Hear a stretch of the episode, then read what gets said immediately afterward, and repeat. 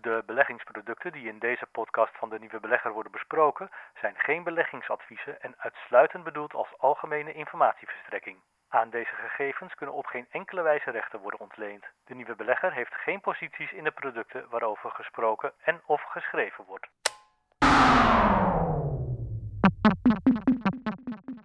...2018 was me het IPO-jaartje wel. Adyen, EG, Elastic, Tencent Music Entertainment. Het zijn zomaar wat concerns die met veel bombardie hun beursgang beleefden. In 2019 gaat het IPO-feest gewoon door. In deze podcast van de Nieuwe Belegger kijken we dan ook naar Uber en Beyond Meat. Maar eerst nog even 2018. Want wat is er nou toch eigenlijk geworden van al die beursnieuwelingen? Welcome at Adyen. We're here at the Adyen headquarters in Amsterdam. Adyen is a global payment company. We help merchants accept payments worldwide from customers. We started about seven years with e-commerce solutions, and we're now in a phase of helping merchants accept payments in point of sale. This is a big move for us, and we're really excited about that. Adyen was natuurlijk de beursknaller in ons land in 2018. Op de eerste beursdag een uh, koersprong van bijna 90%. Het feest kon niet op, ook voor onze prinses Mabel bijvoorbeeld. Maar hoe staat het aandeel er nu eind april voor? Best goed, kunnen we wel stellen. Het bedrijf laat zelf uh, zeer goede cijfers zien en het aandeel sloot het jaar, uh, nou, laten we zeggen, zo'n 13% hoger af dan bij de beursintroductie.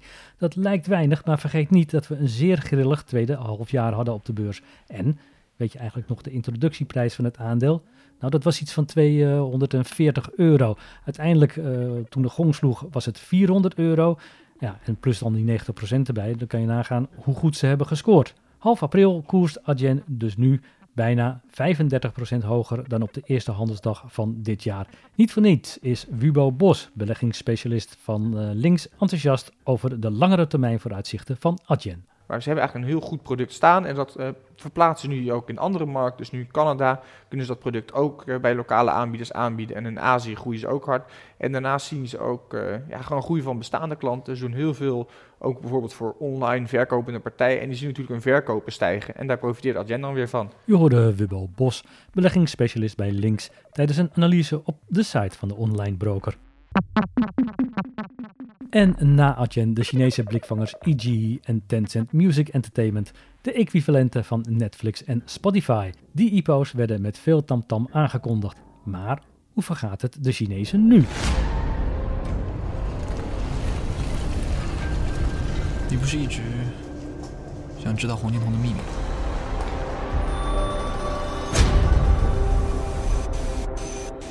Een trailer van EGE voor de Chinese serie Golden Eye. Die is best leuk hoor. Het aan de Nasdaq genoteerde videostreaming imperium van Baidu doet het best aardig. Het aandeel heeft sinds de beursgang bijna 8 euro aan waarde gewonnen. In 2019 is de winst tot nu toe een ruime 33%. Concurrent Netflix, voor zover je ze een concurrent mag noemen, heeft een year-to-date van 27%. En dan Tencent Music Entertainment.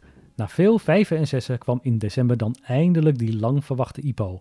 Top of flop? zal Herman Stok vragen.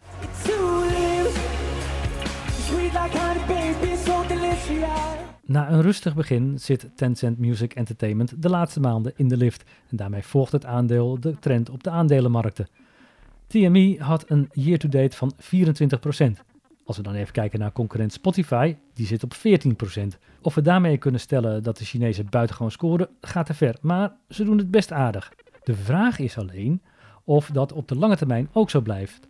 In hun thuisland doen EG en TME het geweldig en die markt blijft vanwege de urbanisatie nog wel even doorgroeien. Aan de andere kant hebben de streamingdiensten in China te maken met de luimen van de overheid. En die zijn niet mis. Tencent kan daarover meepraten. Het concern achter TME had eind 2018 behoorlijk te lijden onder de kruistocht van de overheid tegen games. Thanks Uber, I got a 700 it's all because of you. En van de IPO's van 2018 stomen we door naar de IPO's van 2019. Want het komt er dan eindelijk toch van. Uber gaat naar de beurs. In 2018 begon de race tussen Uber en concurrent Lyft. Wie zou het eerst naar de beurs gaan? Het werd uiteindelijk Lyft. Maar nu dan ook Uber. Waarschijnlijk ergens in mei op Wall Street te beleven.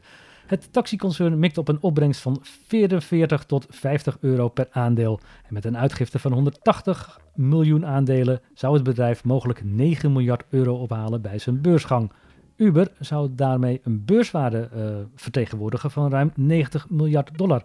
Dat is minder dan van tevoren werd gedacht. Erik Nieuwkomer, hij is uh, Uber-specialist van Bloomberg. Die legt uit hoe dat komt. I think Uber wants to set conservative expectations. It's watched Lyft and Pinterest, you know, Pinterest setting below its last private valuation, Lyft trading below uh, its IPO price, and just wants to make sure that it gets the narrative right. And I think would rather take the hits for being very close to its last private round than get itself in a situation where it has to backtrack later on. Eric Newcomer zei dat in zijn analyse op Bloomberg TV. Voorzichtigheid troeft dus bij Uber, maar die voorzichtigheid is niet voor niets. De taxidienst legt her en der nog steeds onder vuur en daarnaast komt Uber iets ook maar moeilijk van de grond en heeft die maaltijdbezorgdienst te maken met serieuze concurrentie. En als ik zeg serieuze concurrentie, dan bedoel ik ook serieuze concurrentie. Het is dus nog maar de vraag of Uber daar volle zalen mee gaat trekken. Daarnaast is het concern ook actief met het ontwikkelen van luchttaxis en andere zeer experimentele vervoersmiddelen. Het succes daarvan is ook niet gegarandeerd. Voorlopig houdt het alleen een aantal nerds van de straat en kost het een hoop duiten. Maar één ding is duidelijk: de beursgang van Uber zal niet onopgemerkt blijven. In de gaten houden dus maar. En dan nog een IPO, want ook Beyond Meat wil naar de beurs. Maar wat is Beyond Meat eigenlijk? Enter Beyond Meat. They produce burgers that look, cook and taste just like meat. But they're not what we think of as meat. They're made entirely out of plants. And since 2016, they've made their way into thousands of supermarkets, drive-thrus, restaurants, hotels en sportstadiums. Vleesvervangende hamburgers dus. In Amerika eigenlijk vloeken in de kerk, maar de makers van Beyond Meat zeggen dat ze het alternatief voor vlees hebben ontwikkeld. Ethan Brown, CEO en oprichter van het concern, ziet potentie voor zijn burgertjes en ook die van de concurrenten, want zo is hij dan weer wel. Someday I think plant-based meat will overtake animal protein as the main source of meat, but I can't predict when. I do believe it will happen in my lifetime. In Nederland zijn vleesvervangers al vrij normaal en in de meeste gevallen niet te vreten. In Amerika moet Brown ook om die reden nog heel wat pionierswerk verrichten. Daarbij wordt hij wel geholpen door Whole Foods, de supermarktketen die vorig jaar werd overgenomen door Amazon. En Brown heeft de zeilen nog meer in de wind, want investeerders zien de vraag naar alternatieven voor vlees toenemen. Ook grote vleesbedrijven proberen in de markt voor vegan en vegetarische vleesvervangers te komen. Zo nam vleesgigant Tyson Food een belang in Beyond Meat. De IPO van Beyond Meat zal geen knaller worden, maar het aandeel zal best wel eens een verrassing kunnen worden voor beleggers op de middellange termijn. Zeker als de trend doorzet dat voedselproducenten zich in de markt van vleesvervangers willen inkopen. En uh, oh ja, uh, dat moet ik ook toch even zeggen, Albert Heijn gaat de burgertjes ook verkopen. Ik zou haast zeggen, Eerst proeven en dan misschien instappen als je het overleefd hebt. Ajax gaat naar de, halve, finale. En ja, dan voetbal. In deze dagen moeten we het natuurlijk ook over Ajax hebben. De club is weer wereldnieuws en het aandeel pikt zijn goaltjes mee, zoals Willem Kieft dat vroeger als spits deed bij Ajax en Oranje. Maar moeten we nu allemaal meteen en masse aandelen Ajax gaan kopen? Toegegeven, Ajax staat er mooi bij aan de Dambrak. Maar wat als het allemaal misgaat? Nu of in de toekomst? Wie gek is van voetbal en uh, dat ook in zijn aandelenportefeuille wil laten doorschemeren, kan misschien beter voor de Stocks Europe Voetbalindex gaan.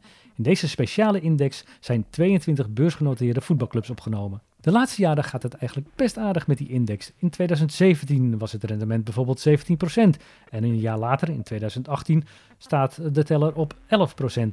En bedenk ook nog dat je door een uh, belegging in een index je risico spreidt. En dat is een beleggingswet die heel verstandig is om na te leven. Eén hand de lucht in en daar gaat het, ligt de lucht in en het is een doelpunt. Het is 2-1 voor Ajax. Dankzij deze goal won Ajax van Juventus en dat zorgde voor een koopmanie in Amsterdam. Het aandeel won ongeveer 8% op de dag na Juve Ajax. Het aandeel van Juve raakte op dezelfde dag uh, ongeveer 20% kwijt. En overigens zat uh, de club uit Turijn, die ook wel de oude dame wordt genoemd, die zat daar niet zo heel erg mee, want het aandeel Juventus had vorige zomer een uitzonderlijke koersprong gemaakt nadat Ronaldo voor Juve had getekend. Ik geloof dat het aandeel iets van 7 of 8 keer over de kop ging. Nou, wil je meer lezen over voetbal en beleggen? Kijk dan op de Nieuwe Belegger, want daar hebben we een heel leuk stuk bijvoorbeeld staan over de uh, Stocks Europe Football Index. Tot zover voor deze keer. Tot een volgende podcast. En onthoud wel even dit: hè. Uh, de beleggingsproducten die in deze podcast van de nieuwe belegger uh, besproken zijn door mij, zijn absoluut geen beleggingsadviezen. En uitsluitend bedoeld ter lering en vermaak natuurlijk, maar ook als algemene informatieverstrekking.